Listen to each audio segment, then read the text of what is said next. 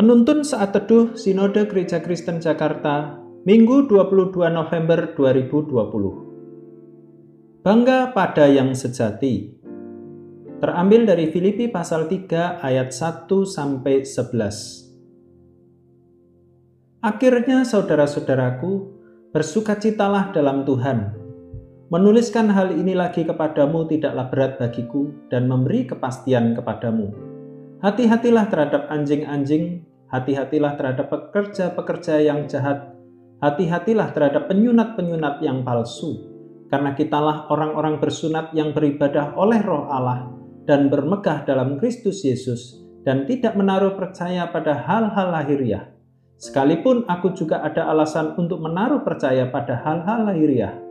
Jika ada orang lain menyangka dapat menaruh percaya pada hal-hal lahiriah, aku lebih lagi disunat pada hari ke-8 dari bangsa Israel, dari suku Benyamin, orang Ibrani asli, tentang pendirian terhadap hukum Taurat, aku orang Farisi, tentang kegiatan aku penganiaya jemaat, tentang kebenaran dalam menaati hukum Taurat, aku tidak bercacat. Tetapi apa yang dahulu merupakan keuntungan bagiku, sekarang kuanggap rugi karena Kristus. Malahan segala sesuatu kuanggap rugi karena pengenalan akan Kristus Yesus Tuhanku lebih mulia daripada semuanya. Oleh karena dialah aku telah melepaskan semuanya itu dan menganggapnya sampah, supaya aku memperoleh Kristus dan berada dalam dia bukan dengan kebenaranku sendiri karena menaati hukum Taurat, melainkan dengan kebenaran karena kepercayaan kepada Kristus, yaitu kebenaran yang Allah anugerahkan berdasarkan kepercayaan yang ku kehendaki ialah mengenal dia dan kuasa kebangkitannya dan persekutuan dalam penderitaannya, di mana aku menjadi serupa dengan dia dalam kematiannya, supaya aku akhirnya beroleh kebangkitan dari antara orang mati. Kylie Wilkes, seorang perempuan yang berasal dari Amerika Serikat, adalah satu dari sekian banyak orang yang jatuh cinta dengan keindahan tanaman sukelen echeveria, yaitu tanaman hias dengan daun mirip bunga mawar. Dia sudah merawat tanaman ini selama dua tahun. Kylie sangat menyayangi sukulen miliknya ini. Bahkan, ia terbilang cukup protektif. Dia tidak mengizinkan orang lain menyiram tanaman tersebut Kylie ingin memastikan kalau sukulen miliknya dirawat dengan baik dan benar. Setelah dua tahun, ia memutuskan untuk mengganti pot sukulen tersebut. Betapa kaget Kylie saat menarik tanaman tersebut dari pot plastiknya. Bukannya menemukan tanah, ia malah mendapati sukulennya ini menempel pada styrofoam. Selain kaget, tentu saja Kylie juga merasa tertipu. Selama dua tahun ini, tanaman yang sudah ia jaga dengan sepenuh hati yang ternyata adalah tanaman palsu.